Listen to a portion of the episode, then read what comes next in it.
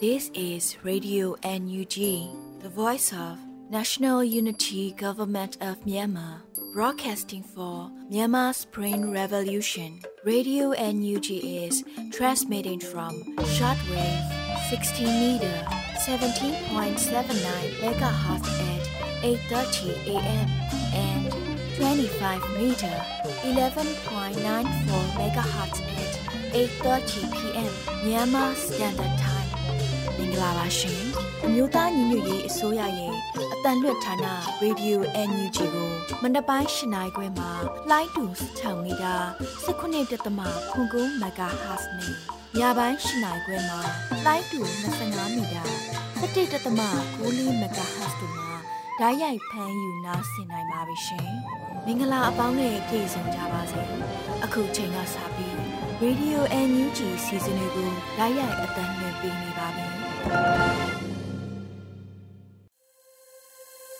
မြန်မာနိုင်ငံသူနိုင်ငံသားအပေါင်းတဘာဝပေးဆရာနာရှင်ပြည်တို့ကနေကင်းဝေးပြီးကိုစိတ်နှပါပေးကင်းလုံခြုံကြပါစေလို့ရေဒီယိုအန်ယူဂျီဖွယ်သားများကဆုတောင်းမြတ်တာပို့သလိုက်ရပါတယ်။အခုချိန်ကစပြီးကာကွယ်ရေးဝန်ကြီးဌာနရဲ့စီရေးသတင်းချင်းချုပ်ကိုတော့မျိုးဦးလင်ကမှဖတ်ကြားတင်ပြပေးပါမယ်ရှင်။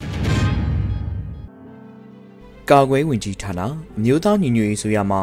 ဩဂတ်စ်လ၄ရက်2022ခုနှစ်ထုတ်ဝေတဲ့စီရေးသတင်းချင်းချုပ်ကိုတင်ဆက်ပေးတော့မှာဖြစ်ပါတယ်။စစ်ကောင်စီတပ်သား9ဦးကြာဆုံးပြီး23ဦးထိခိုက်ဒဏ်ရာရရှိခဲ့ကြောင်းသတင်းရရှိပါရခင်ဗျာ။စစ်ကောင်စီနဲ့တိုက်ပွဲဖြစ်ပွားမှုသတင်းတွေကိုတင်ဆက်ပေးကြပါမယ်။ကီနီကယာပြည်နယ်မှာဩဂတ်စ်လ3ရက်နေ့မနက်9:35မိနစ်ချိန်ခန့်က လိုက်ကော်မြို့နယ်လိုက်ကော်မြို့ခြေဆိုင်ခလာယာ261တက်ရဲ့ကီမုံအား KNDF B1 မှာ RPG တလုံး79တို့နဲ့ပြစ်ခတ်တိုက်ခိုက်ခဲ့ပြီးပြစ်မှတ်များထိရောက်ကစစ်ကောင်စီတပ်သားများထိခိုက်ဒေဆုံးမှုရှိနိုင်ကြောင်းသတင်းရရှိပါရခင်ဗျာ။ဩဂတ်စ်လ3ရက်နေ့မနက်6နာရီခန့်ကဒီမော့ဆိုမြို့နယ်ရှိစစ်ကောင်စီတပ်ဖွဲ့များအား KNDF B09 မှ drone နဲ့ပုံကျဲတိုက်ခိုက်ခြင်းများလှုပ်ဆောင်ခဲ့ပြီး နေ့လယ်ပိုင်းမှာညနေထိလက်နက်ငယ်များနဲ့ပစ်ခတ်တိုက်ခိုက်ခဲ့ကြောင်းသတင်းရရှိပါရခင်ဗျာ။ဩဂတ်စ်လ3ရက်နေ့မနက်8:30မိနစ်ချိန်ခန့်ကဒီမော့ဆိုမြို့နယ်မြို့မရက်ကွက် မြို့တော်ခမ်းမအနီးမှာအထိုင်တက်စခန်းချိန်ရန်လှုပ်ဆောင်နေတဲ့စစ်ကောင်စီတပ်ဖွဲ့ကိုပြည်သူ့ကာကွယ်တပ်ဒီမော့ဆို DMO Local PDF တပ်ဖွဲ့ဝင်များပူးပေါင်း၍15မိနစ်ကြာပျောက်ကြားစနစ်နဲ့တွားရောက်ပစ်ခတ်တိုက်ခိုက်ခဲ့ရာစစ်ကောင်စီတပ်မှလက်နက်ကြီးအများအပြားအသုံးပြုခဲ့တော်လေစနိုက်ပါနဲ့ပစ်ခတ်မှုကြောင့်စစ်ကောင်စီတပ်သား2ဦးသေဆုံးခဲ့ကြောင်းသတင်းရရှိပါရခင်ဗျာ။ ချင်းပြည်နယ်မှာဩဂတ်စ်လ3ရက်နေ့နေ့လယ်တနာရီခန့်ကဟာခါမြို့နယ်ဟာခါတန်တလန်ကြားရှိတီးမြစ်ချောင်းတရားနီမှာစစ်ကောင်စီတပ်နဲ့ဒေသခံ CDF ပူးပေါင်းတပ်ဖွဲ့တို့နှစ်ကြိမ်တိုက်ပွဲဖြစ်ပွားခဲ့ပြီးစစ်ကောင်စီတပ်သား3ဦးသေဆုံးခဲ့ကြောင်းသတင်းရရှိပါရခင်ဗျာ။ စကိုင်းတိုင်းမှာဩဂတ်စ်လ3ရက်နေ့မနက်9:30မိနစ်အချိန်ခန့်ကစကိုင်းမြို့နယ်ရုံးပင်ကန်ကျေးရွာနဲ့တစ်ချိုကုန်းကျေးရွာကြားမှာစကိုင်းမှာရွှေဘူမြို့ဘက်သို့သွားတဲ့စစ်ကောင်စီစစ်နယ်ဘင်းကားနှစ်စီးကိုပြည်သူ့ကာကွယ်ရေးအဖွဲ့စကိုင်း Fight for Federal အညာသားလေး SGG The Pentagram 9000ကျဲတို့မှမိုင်းဆွဲတိုက်ခိုက်ခဲ့ကြောင်းသတင်းရရှိပါရခင်ဗျာဆက်လက်ပြီးစစ်ကောင်စီကကျူးလွန်တဲ့ရာဇဝမှုတွေကိုတင်းဆက်ပေးကြပါမယ်ကင်းနီကယာပြည်နယ်မှာ ဩဂတ်စ်လ3ရက်နေ့ည9:58မိနစ်အချိန်ခန့်ကလိုက်ကော်မြို့နယ်လိုက်ကော်မြို့ကြည်တာယာရက်ကွယ်ဘိုးဘွားရိပ်တာလမ်းခွဲမှာ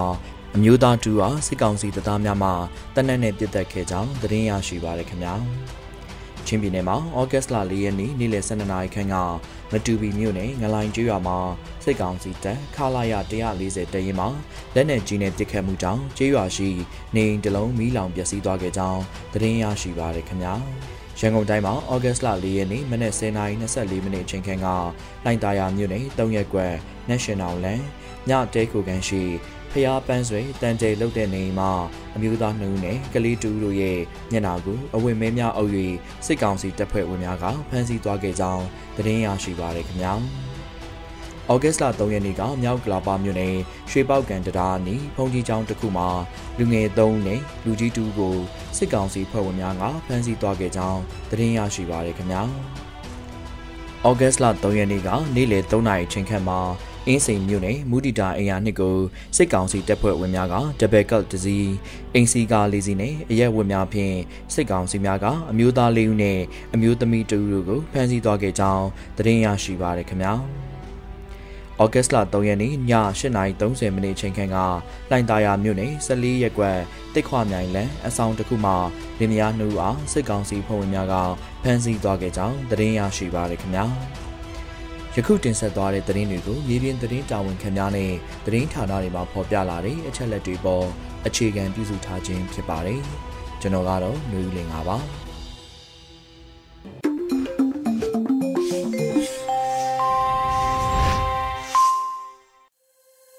ရေဒီယိုအန်ယူဂျီရဲ့မနက်ခင်းစီစဉ်တွေကိုဆက်လက်တင်ပြနေပါတယ်။အခုဆက်လက်ပြီးနားဆင်ကြရမှာကတော့နောက်ဆုံးရသတင်းများကိုလူဦးမောင်မှဖတ်ကြားတင်ပြပေးပါရမရှင်။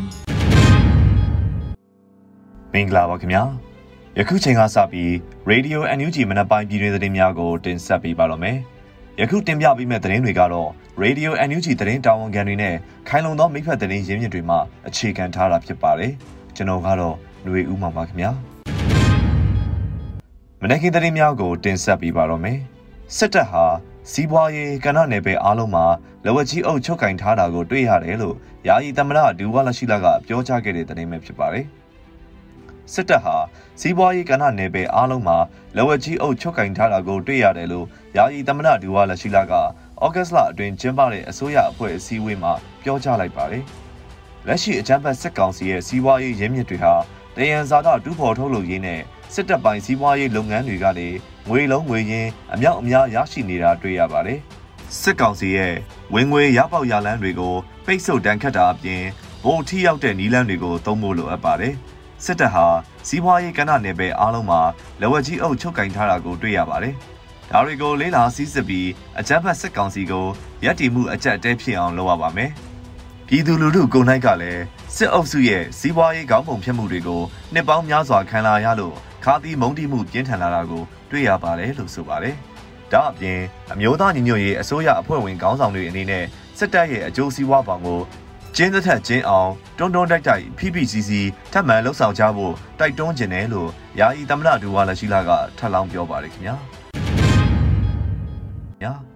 ဆက်လက်ပြီးဂျာကာလာအုပ်ချုပ်ရေးယခုအချိန်မှာများစွာအရေးပါနေပြီဖြစ်၍ ပါဝင်တဲ့ဝန်ကြီးဌာနများအနေဖြင့်အာတုံခွန်ဆိုင်ဆောင်ရွက်ပေးကြပါရန်ပြည်ထောင်စုဝန်ကြီးချုပ်မန်ဝင်းခိုင်တန်းကတိုက်တွန်းပြောကြားခဲ့တဲ့သတင်းကိုတင်ဆက်ပေးပါမယ်။ဂျာကာလာအုပ်ချုပ်ရေးယခုအချိန်မှာများစွာအရေးပါနေပြီဖြစ်၍ပါဝင်တဲ့ဝန်ကြီးဌာနများအနေဖြင့်အာတုံခွန်ဆိုင်ဆောင်ရွက်ပေးကြပါရန်ပြည်ထောင်စုဝန်ကြီးချုပ်မန်ဝင်းခိုင်တန်းကတိုက်တွန်းပြောကြားလိုက်ပါတယ်။ဩဂတ်စ်လ၄ရက်နေ့ကျင်းပတဲ့ဂျာကာလာဒေသန္တရပြည်သူ့အုပ်ချုပ်ရေးဖော်ဆောင်မှုဗဟိုကော်မတီအစည်းအဝေးမှာဝန်ကြီးချုပ်ကပြောပါတယ်။ မိမိတို့အစိုးရအဖွဲ့ဝင်များအနေဖြင့်ဒေါ်လာရေးအရှိန်အဟုန်မြင့်လာသည့်နှင့်အမျှအချိန်နဲ့တပြေးညီတံပြန်ဆောင်ရွက်ကြရမည်ဖြစ်ပါကြောင်းတို့ဖြစ်ပါ၍မိမိတို့ဘက်မှလည်းယခုကဲ့သို့တွေးဆုံဆွေးနွေးမှုများပုံမှန်ကျင်းပနေကြခြင်းသည်စက်ကောင်စီအားတံပြန်ဆောင်ရွက်မှုများအတွက်အထောက်အကူဖြစ်စေမည်ဖြစ်ပါကြောင်း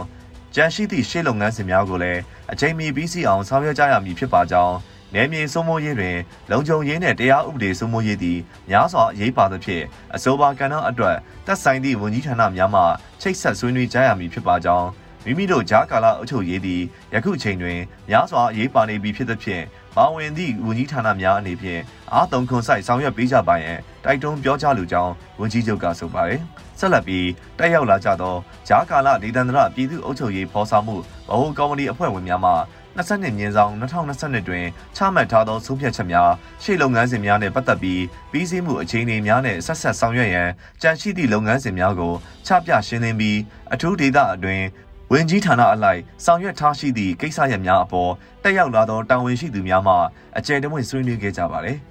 အစည်းအဝေးသို့ဂျာကာလာဒေသန္တရပြည်သူ့အုပ်ချုပ်ရေးဖော်ဆောင်မှုဗဟိုကော်မတီဥက္ကဋ္ဌပြည်ထောင်စုဝန်ကြီးချုပ်မန်းဝင်းခိုင်တန်းနဲ့အတူဗဟိုကော်မတီဒုတိယဥက္ကဋ္ဌတစ် ပြည်ထောင်ရေးနဲ့လူဝင်မှုကြီးကြပ်ရေးဝန်ကြီးဌာနပြည်ထောင်စုဝန်ကြီးဦးလွင်ကိုလက်အပါအဝင်ဗဟိုကော်မတီအဖွဲ့ဝင်ပြည်ထောင်စုဝန်ကြီးများဒုတိယပြည်ထောင်စုဝန်ကြီးများအမြဲတမ်းအတွင်းဝင်များဌာနဆိုင်ရာများမှတာဝန်ရှိသူများတက်ရောက်ခဲ့ကြပါတယ်ဆက်လက်ပြီးအာနာရှင်ဒီကုန်းအဆုံးသတ်ဖို့အတွက် EOD ရဲ့ဒုတိယ project ဟာ Interview at 6.5မှာဖြစ်တယ်လို့ကြေညာအသိပေးတဲ့တဲ့တင်ကိုတင်ဆက်ပေးပါမယ်။ အာနာရှင်ဒီကုန်းအဆုံးသတ်ဖို့အတွက် EOD ရဲ့ဒုတိယ project ဟာ Interview at 6.5မိုင်ဖြစ်တယ်လို့ August လ4ရက်နေ့မှာ EOD ကဒုတိယ project ကိုအသိပေးဖော်ပြပါတယ်။အာနာရှင်ဒီကုန်းအဆုံးသတ်ဖို့အတွက် EOD ရဲ့ဒုတိယ project ဟာ Interview at 6.5မိုင်ဖြစ်ပါတယ်။အကြမ်းဖက်စစ်ကောင်းဆောင်မင်းအွန်လိုင်းမတရားခိုးယူထားတဲ့ပိုင်ဆိုင်မှုနောက်တစ်ခုဖြစ်ပြီး project အသေးစိတ်ကိုမကြာမီထုတ်ပြန်ကြေညာသွားပါမယ်လို့ဆိုပါတယ်။ အကြမ်းဖက်စစ်ကောင်းဆောင်မင်းအွန်လိုင်းမတရားတစ်ဖြစ်ရယူထားသောနိုင်ငံတော်ပိုင်ရန်ကုန်တိုင်းကမာရွတ်မြို့နယ်အင်ယာလန်ချန်အမတ်14ရှိမြေနဲ့အဆောက်အုံဟာကာလပေါက်ဈေးအဖြစ်အမေရိကန်ဒေါ်လာတန်30ကျော်တန်ကြေးရှိတဲ့နေရာကိုဒေါ်လာ10တန်းတန်ကြေးသတ်မှတ်၍တစုလျင်ဒေါ်လာ100နဲ့ရောင်းချပေးခဲ့ရာရှယ်ယာအားလုံးရောင်းကုန်ခဲ့ပါတယ်ခင်ဗျာဆက်လက်ပြီးຫນွေဦးတီကိုဝယ်ယူအားပေးရန်ပြည်သူအများစုမေးမြန်းမှုများလာတဲ့အကြောင်းကိုတင်ပြပေးပါမယ်။ ຫນွေဦးတီကိုဝယ်ယူအားပေးရန်ပြည်သူအများစုမေးမြန်းမှုများများပြားလာတယ်လို့စုံစမ်းသတင်းရရှိပါတယ်။ဩဂတ်စ်လ3ရက်နေ့မှာ NUG ပေးနဲ့ຫນွေဦးတီပြန်လည်ရောင်းချမယ်လို့အောင်လန်လွင့်ကြီးຫນွေဦးတီမိသားစုကကြေညာခဲ့ပါတယ်။အဆိုပါຫນွေဦးတီကိုထိုးရန်ပြည်သူလူထုအများစုကလူမှုကွန်ရက်မှာမေးမြန်းခဲ့ရာ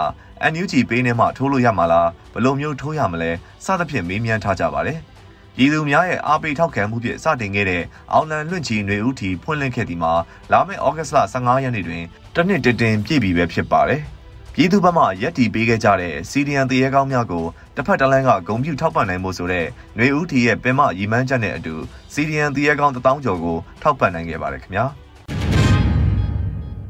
ဆက်လက်ပြီးအစိုးရဤတို့ကိုပုံမှန်905ကကြီးနဲ့ထောင်သုံးနှစ်ချမှတ်ခဲ့တဲ့တဲ့တင်ကိုတင်ဆက်ပေးပါမယ်။ အဆိုတော်ဤတို့ကိုပုံမှန်905ကကြီးနဲ့ထောင်သုံးနှစ်ချမှတ်ခဲ့ပါတယ်။အင်းစိန်အကျဉ်းထောင်အတွင်း၌ဖမ်းဆီးထိန်သိမ်းခြင်းခံထားရသောအဆိုတော်ဤတို့ခေါ်ဝင်းထွတ်တော်လာကိုအင်းစိန်အကျဉ်းထောင်တွင်အထူးတရားရုံးမှရာဇသက်ကြီးပုံမှန်905ကကြီးဖြင့်ဩဂတ်လ4ရက်နေ့မှာထောင်ဒဏ်3နှစ်ချမှတ်ခဲ့ပါတယ်။အဆိုတော်ဤတို့ဟာ2021ခုနှစ်အောက်တိုဘာလ19ရက်နေ့တွင်အင်းစိန်အကျဉ်းထောင်အတွင်းမှလွတ်မြောက်လာခဲ့ပြီးနောက်တစ်နေ့တွင်ပင်ပြန်လည်ဖမ်းဆီးခြင်းခံခဲ့ရပါတယ်။ 2021ခုနှစ်အာနာသိန်းချိန်မှ2022ခုနှစ်ဩဂတ်လ4ရက်နေ့ထိတိုင်ဗန်စီချုံနှောင်ခြင်းခံထားရသူစုစုပေါင်း11894ဦးရှိပြီး၎င်းတို့အနက်မှ1369ဦးမှာထောင်ဒဏ်ချမှတ်ထားခြင်းခံထားရတယ်လို့ AAPP ကဖော်ပြပါတယ်ခင်ဗျာ ဆက်လက်ပြီးစစ်အုပ်စုကမတရားသိမ်းဆည်းလိုက်တဲ့နေအိမ်အဆောက်အဦအရေးအတွက်900ကျော်ရှိလာပြီဖြစ်တဲ့အကြောင်းကိုတင်ဆက်ပေးပါမယ်။စစ်အုပ်စုကမတရားသိမ်းဆည်းလိုက်တဲ့နေအိမ်အဆောက်အဦအရေးအတွက်900ကျော်ရှိလာပြီလို့ဩဂတ်စ်လ4ရက်နေ့မှာသိမ်းဆည်းခံရတဲ့နေအိမ်များစည်းကို AAPP ကဖော်ပြပါတယ်။2021ခုနှစ်ဖေဖော်ဝါရီလ1ရက်နေ့အာဏာသိမ်းချိန်မှာ 2022ခုနှစ်ဇူလိုင်လကုန်ထိအကြမ်းဖက်စစ်အုပ်စု၏မတရားသိမ်းဆည်းခြင်းခံထားရသည့်နေအိမ်အဆောက်အဦအရေးအတွက်စုစုပေါင်း900ခုထပ်မံရှိခဲ့တယ်လို့သတင်းရရှိပါတယ်။စစ်ကောင်စီတပ်များဟာ NUG အစိုးရအဖွဲ့များရဲ့နေအိမ်များအဖွဲ့ချုပ်ကိုယ်စားလှယ်များရဲ့နေအိမ်များနဲ့အရက်သားနေအိမ်များကိုအကြောင်းမဲ့သိမ်းဆည်းချိတ်ပိတ်လျက်ရှိပါတယ်ခင်ဗျာဆက်လက်ပြီးလျှက်စီး production team မှကိုလုံးကြီး6လုံးပြုထုတ်လုပ်အောင်မြင်ခဲ့တဲ့တရင်ကိုတင်ဆက်ပေးပါမယ် လျှက်စီး production team မှကိုလုံးကြီး6လုံးပြုထုတ်လုပ်အောင်မြင်ခဲ့ပါတယ်ဩဂတ်လ4ရက်နေ့မှာလျှက်စီးပျောက်ကြားအဖွဲ့ဝက်လက်ကကိုလုံးကြီး6လုံးပြုကိုစမ်းသပ်ပစ်ခတ်ပြခဲ့ပါတယ်။လက်စီ production team မှ12 gauge shotgun 6 round cylinder ကိုလုံးကြီး6လုံးပြူထုတ်လို့အောင်မြင်လို့စမ်းသပ်ပစ်ခတ်ခဲ့ပါတယ်လို့ဆိုပါတယ်ခင်ဗျာ။ဩဂတ်လ၁ရက်နေ့ကလည်းလျက်စီ production team မှအတောင့်30ဆန်းတနက်အရှိထုတ်လုပ်နိုင်ခဲ့ပါတယ်။ဆက်လက်ပြီး မြေပြင်တိုက်ပွဲဖြစ်ပွားခြင်းမရှိဘဲအကြမ်းဖက်စစ်တပ်မှတိုက်ခတ်ရေးရဟရင်များဖြင့်တပင်းရင်းနယ်ရှိကျေးရွာကိုဝေဟင်ကပြစ်ခတ်တိုက်ခိုက်ခဲ့တဲ့တဲ့တင်ကိုတင်ဆက်ပေးပါမယ်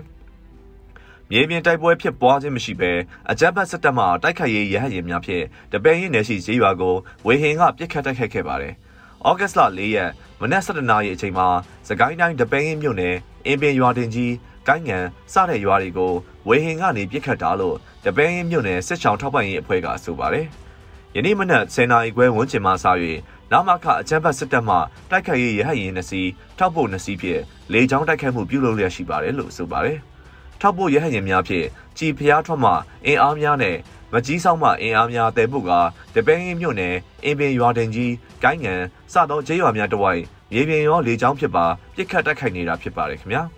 စစ်ကောင်စီတပ်များအကြမ်းဖက်တိုက်ခတ်မှုများကြောင့်ဒေသခံများကြိုးတင်ပြင်ဆင်ချိန်မရဘဲအရေးပေါ်ထွက်ပြေးနေရပါတယ်လို့တပင်းမြို့နယ်စစ်ဆောင်ထောက်မှန်ကြီးကဖော်ပြပါတယ်ခင်ဗျာနောက်ဆုံးသတင်းအနေနဲ့ရေဦးမြို့နယ်တင်းတိန်ရန်ကျေးရွာကိုစစ်ကောင်စီတပ်များဝင်ရောက်တောင်းကျမ်းတဲ့၄ရက်အတွင်းထိတွေ့တိုက်ပွဲများဖြစ်ပွားခဲ့ရာစစ်ကောင်စီတပ်ဘက်ကအယောက်30ထက်မနည်းတိတ်ဆုံးခဲ့တဲ့တဲ့တင်ကိုတင်ဆက်ပေးပါမယ်။ စကိုင်းတိုင်းရေဦးမြို့နယ်တင်းတင်ရန်ကျေးရွာကိုစစ်ကောင်စီတပ်များဝင်ရောက်တောင်းကျမ်းတဲ့၄ရက်အတွင်းထိတွေ့တိုက်ပွဲများဖြစ်ပွားခဲ့ရာစစ်ကောင်စီတပ်ဘက်ကအယောက်30ထက်မနည်းတေဆုံးခဲ့ပါတယ်။ဩဂတ်စ်လ၄ရက်နေ့မှာစစ်ရေးသတင်းကိုဗုံမုံစိတ်အဖွဲ့ကဖော်ပြပါတယ်။တင်းတင်ရန်ကျေးရွာအားခိုးဆိုးယူငင်မိရှုဖျက်ဆီးသွားသောစစ်ကောင်စီတပ်ဖွဲ့များတင်းတင်ရန်ရွာမှတပင်းမြို့သို့အပြန်တင်းတင်ရန်ရွာမှကျေးရွာတောင်ဘက်၌မိမိတို့ပူးပေါင်းတပ်ဖွဲ့များမှလက်နက်ကြီးလက်နက်ငယ်များဖြင့်အသင့်စောင့်ကြိုတိုက်ခိုက်ခဲ့ပါတယ်။ တိုက်ပွဲဖြစ်ပွားချိန်နာရီဝက်ခန့်ဖြစ်ပွားပြီးစစ်ကောင်စီတပ်ဖက်က12ဦးထပ်မံတေဆုံးကအများအပြားဒဏ်ရာရရှိနိုင်ပါတယ်လို့ဖော်ပြပါတယ်။ဇူလိုင်လ28ရက်နေ့မှ31ရက်နေ့အထိ၄ရက်တာထိတွေ့မှုမှာစစ်ကောင်စီဘက်ကအယောက်30ထပ်မံတေဆုံးက25ယောက်ထိခိုက်ဒဏ်ရာရရှိခဲ့ပါတယ်ခင်ဗျာ။ယခုတင်ပြပေးခဲ့တဲ့သတင်းတွေကိုတော့ Radio NUG သတင်းတောင်မင်းမင်းကပေးပို့ထားတာဖြစ်ပါတယ်။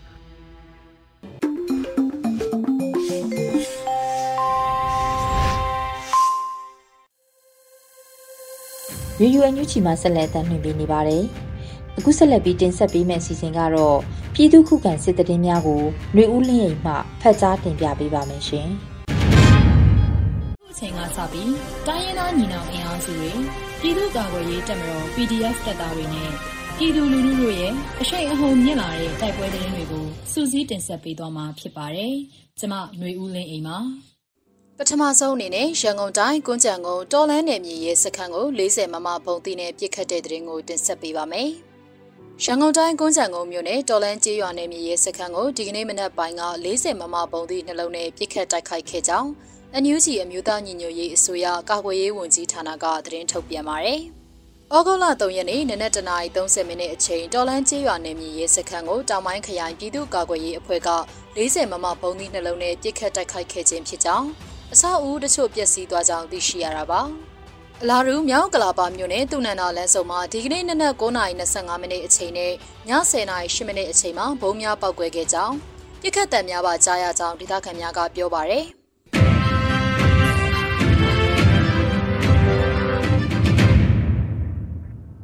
ဆက်လက်တင်ဆက်ပေးမှာကတော့ဇူလိုင်လအတွင်းအကြမ်းဖက်စစ်သား12ဦးကိုအလဲပိုင်းတိုင်းအထူးစစ်စင်ရေးစနိုက်ပါအဖွဲ့ကရှင်းလင်းနိုင်ခဲ့တဲ့တဲ့တင်မှာ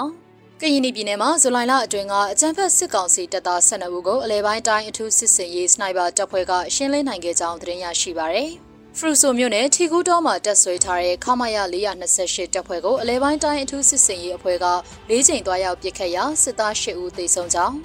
ဖဲခုံမြို့နယ်လွယ်မကူးတောင်ပေါ်မှာရှိတဲ့စစ်ကောင်စီတပ်ဖွဲ့ကိုပစ်ခတ်ရာတအူးသေဆုံးပြီးမိုးပြဲစစ်စင်ရေးမှာစစ်သား3ဦးသေဆုံးခဲ့ကြောင်းအလဲပိုင်းတိုင်းအထူးစစ်စင်ရေးအဖွဲ့ကသတင်းထုတ်ပြန်တာပါ။ ကရင်ပြည်နယ်နဲ့ရှမ်းပြည်နယ်တောင်ပိုင်းဖဲခုံမြို့တွေမှာနေမြေကျူးကျော်တက်ဆွဲထားတဲ့အကြမ်းဖက်စစ်တပ်ကိုအလဲပိုင်းတိုင်းအထူးစစ်စင်ရေးအဖွဲ့နဲ့ကရင်ပြည်ပူးပေါင်းတပ်ဖွဲ့တွေကခုခံတိုက်ခိုက်နေခြင်းဖြစ်ပါတယ်။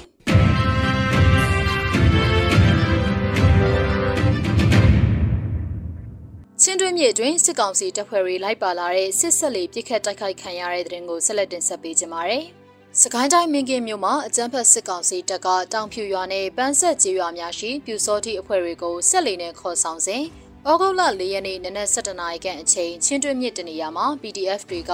စစ်တပ်ဆက်လီကိုပြစ်ခတ်တိုက်ခိုက်ကြောင်းဒေသကာကွယ်ရေးတပ်ဖွဲ့များထံမှသိရပါဗျ။စကိုင်းတိုင်းမင်းကင်းမြို့မှာတောင်ဖြူရွာနဲ့ပန်းဆက်ကျေးရွာများသို့ပြူစောတိများကိုတွားခေါ်တဲ့ဆက်လီအမြန်ရေရင်ကိုဒေသခံတော်လှန်ရေးအင်အားစုများကဝိုင်းဝန်းပစ်ခတ်ခဲ့ကြောင်း အကြမ်းဖက်စစ်ကောင်စီတပ်ဖွဲ့ရဲ့ဆက်လီဟာအတော်မှပြစ်ခတ်ခံရခြင်းဖြစ်ပြီးအပြန်မှာချင်းတွင်းမြစ်ဘေးမှာရှိတဲ့ရွာတွေကိုဝင်ရောက်စီးနင်းနိုင်တာကြောင့်ဒေသခံတွေစိုးရိမ်နေကြပြီးကျေးရွာအတွင်းမှာထွက်ပြေးတိမ်းရှောင်နေသူတွေလည်းရှိကြောင်းသိရှိရပါတယ်။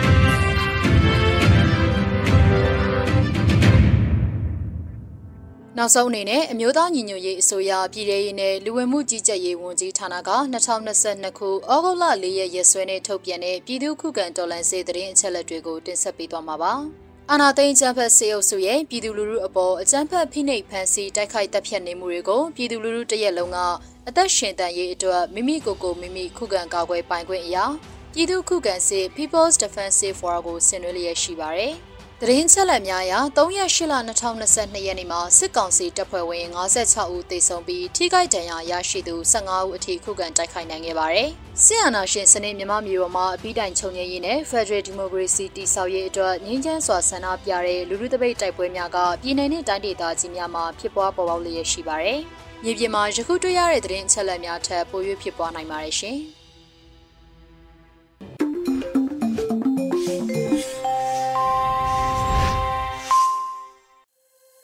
ရေဒီယိုညူဂျီရဲ့မနက်ခင်းစီစဉ်တွေကိုဆက်လက်အသံလွှင့်ပေးနေပါတယ်။အခုတခါ PPTV ရဲ့နေ့စဉ်သတင်းများကိုမျိုးတော်တာမှဖတ်ကြားတင်ပြပေးပါတော့မယ်ရှင်။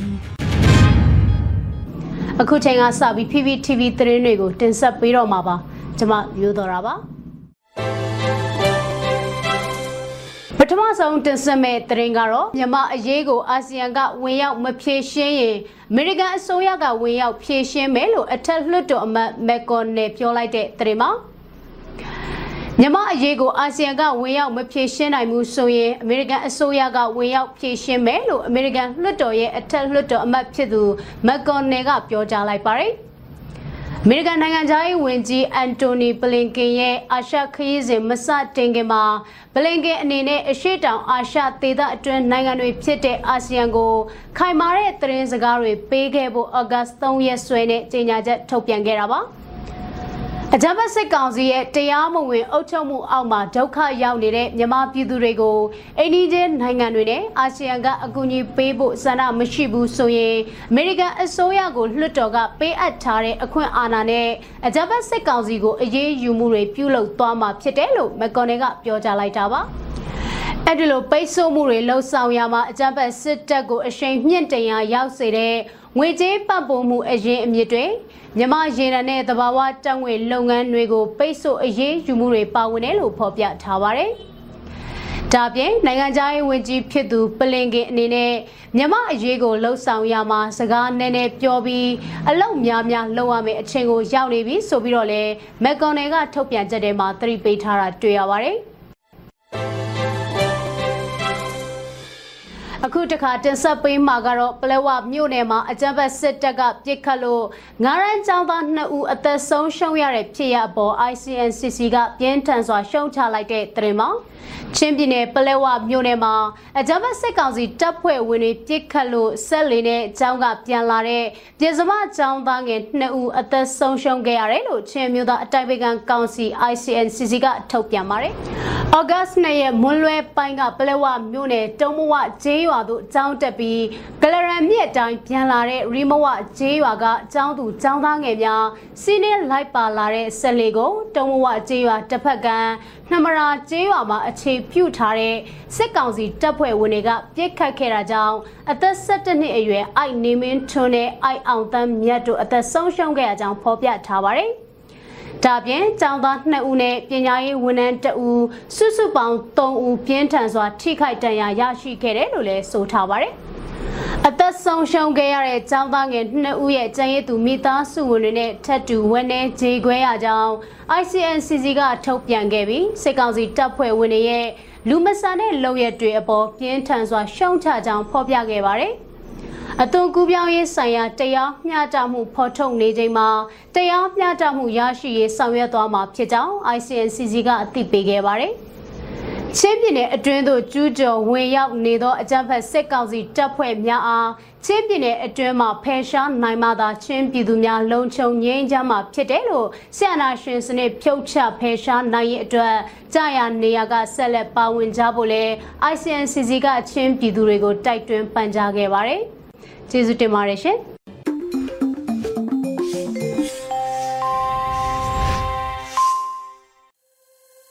ရေဒီယိုအန်ယူဂျီပရိသတ်တွေအတွက်ခုနောက်ဆုံးတင်ဆက်ပေးမယ့်စီစဉ်ကတော့တိုင်းရင်းသားဘာသာစကားနဲ့သတင်းထုတ်လွှင့်မှုအနေနဲ့ချိုးချင်းဘာသာစကားခွဲတစ်ခုဖြစ်တဲ့ကန်ဘာသာစကားနဲ့သတင်းထုတ်လွှင့်မှုကိုနားဆင်ကြရတော့မှာဖြစ်ပါတယ်။ဒီစီစဉ်ကိုရေဒီယိုအန်ယူဂျီနဲ့ချိုးချင်းဘာသာစကားသတင်းထုတ်လွှင့်မှုအဖွဲ့တို့ကပူးပေါင်းတင်ဆက်ထားတာဖြစ်ပါတယ်ရှင်။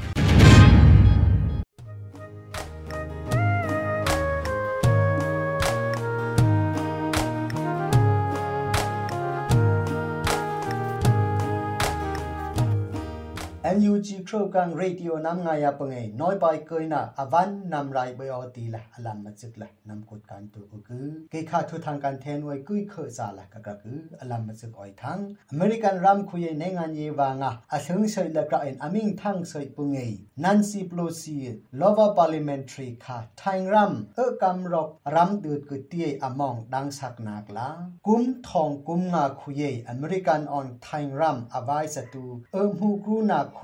နန်စီပလိုစီလောဗာပါလီမန်ထရီခါထိုင်ရမ်အခမ် อเมริกันเนี่ยอวายซาไทยรัมละอายินลอคาตาลุกตวนเออยุมอุเอ็นอเมริกันเนนตาลุกวอกอชุนานิตีละตะก็คือไทยรัมคาตาลุกรัมคุยะเคมบายละกัมเฮเชตเจาะมุยละอัมอมตีละตะก็คือเบซิงคอยอเมริกันตันอามัดตาลุก foreign minister คือเอ็นอนุยละมีโตของนักโอเมนิตีละไรริงนักไปกตีอมอง BBC Burmese oi thangen te ku apan hina koi thang r2 pta responsibility to protect american right ka pui tu va khowa lo kom pi nam tu ambo mela american myanmar emperor u cho mo thonin leidek nam khong avai sa tu hala te ku American Ram UN Jung Haya Amkut Cheng Upungei Hala Atak Lakrak NATO Rai Ka Puitu Vakhola Amlona Ke Among On PTF CTF Pinam Rai Ka Tu Lithai Sampek Mei Chirup Tu American Ram On Ram Peng Pengin Bom Kom Apek Ta Ke La NUG Foreign Minister Tozen Ma Ongin Pai Sakra Thum Ki Nu Pa Tak Apathum Na Kwai Thang Thong Krum Upung Tu O Rui On Shina Ke นอนนับเบกเฮบายลากราอาเซียนทุกคนทองใบนิตีละอาเซียนเชียร์บาสันฮอนซินเนรายกับเทตัวอัมบอยปุยตูรายริงนักเปเฮกือ နိုင်ငံရေးပြူပုံတူအနငွန်ဟေယတီလာနိမ်တက်တန်တေနနှူလာနဖီတန်အင်နငွန်နာဟေယဒေါငါကမ်ကိုထဲခုပ်အင်ကမ်လုံရှင်မိဖရီဘောကတီလာအာဆီယန်ရမ်ဥပုံအဝိုင်ဂျဆွေဟွန်စင်နန်တေဒီမိုကရေစီဟမ်လာဘီလိုခွန်ထောဥပုံပါလီရိုက်ကပ်ထေတူအင်အမ်ငွန်ခါအာဆီယန်ရမ်အမ်ထေခါနာကလာကကတီလာအာဆီယန်ဖော်ရင်မင်းစတာငွိတုနာကာ Singapore Foreign Minister Vivian Balakrishnanin tờ cứ. Rai gặp thẻ tuần democracy hamla hơn thâu bi lô upung am ngon thẹp khả và khổ am thẹt khát lạc ra in. ASEAN Five Consensus và khôi nina kê là mê, bi lô tu am pre pram lạc ra cứ. คาวะโคอัมเทดคาดละกระเอ็นอาเซียนไฟคอนเซนซัสวะคอยนีนาเกละเมบิโลตูอัมเปรปรัมละกระกือรายกับเทตุเอ็นอาเซียนอลึงปรุดละอัมเทคานักละกระเอ็นอาเซียนเนอวายสตุเอ็นอัมบิโลอนุยละอัมดีกามละกระกตีอมองอาเซียนมีติงะตึกอุกตีอมองยากลอมคืออปาลีนาคอยทางว่าคอยดิโมครีซีอารานักบายอาเซียนรัมตุเออัมบีเอื้อชุดบาละอักราชุมเลองปันนักออนมุยชุยรานาเกลัมกัมคือเปตีลาอเมริกันลอวาพาร์ลิเมนทรี ีอวายจะสวย MC Cornenen ตะคือว่าคอยอเตงโตเยข้อเปิงรัมเปิงออนอาเซียนราเมอวายจะตูคา American Foreign Minister Anthony Blinken รายกับเทตูฮัตุมุยละเรดรับคึบเคยเฮยเตอมองอคายรอยรอยละตึกเปเฮนิตีละยากลอมคือ รายกับเทตุเอนวัคโคอัมเปรปรามนาคุยกายินปีนำตูกุยพรอนเฮยละวัคโคเออเตงโตเออมุปุงเอรัมตุเอนวัคโคเอนำบอมละอักราอเมริกันอโซยาคอนเกรสอาณาเปกกัมพังกอมรายกับเทตูกัมเรดรับเฮยตีละอเมริกันตัวตะกุคืออาคาโซเอเรดรับนาการายกับเทตูเออัมโยเอเยนันออนเกชคึบเฮยละกราเอนโซเอ Sergei Nithunhupa, Russia Foreign Minister Sergei Lovia Vako Aloka, Pinam Ngonthep Upung, Trang Te Lorang Tue, Amhu Grunak Lakrakutila, MC Cornenin Doku, NUG Crew, Kang Radio Namngaya Pung, Noi Bai Koina Avan, Rai Shum Shum Unamu.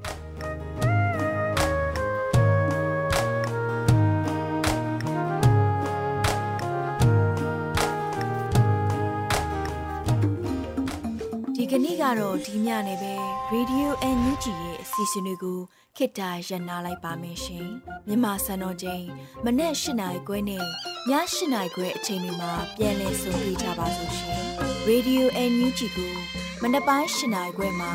လိုင်းတူ16မီတာ19.7မဂါဟတ်နဲ့ညပိုင်း၈နိုင်ခွဲမှာလိုင်းတူ25မီတာ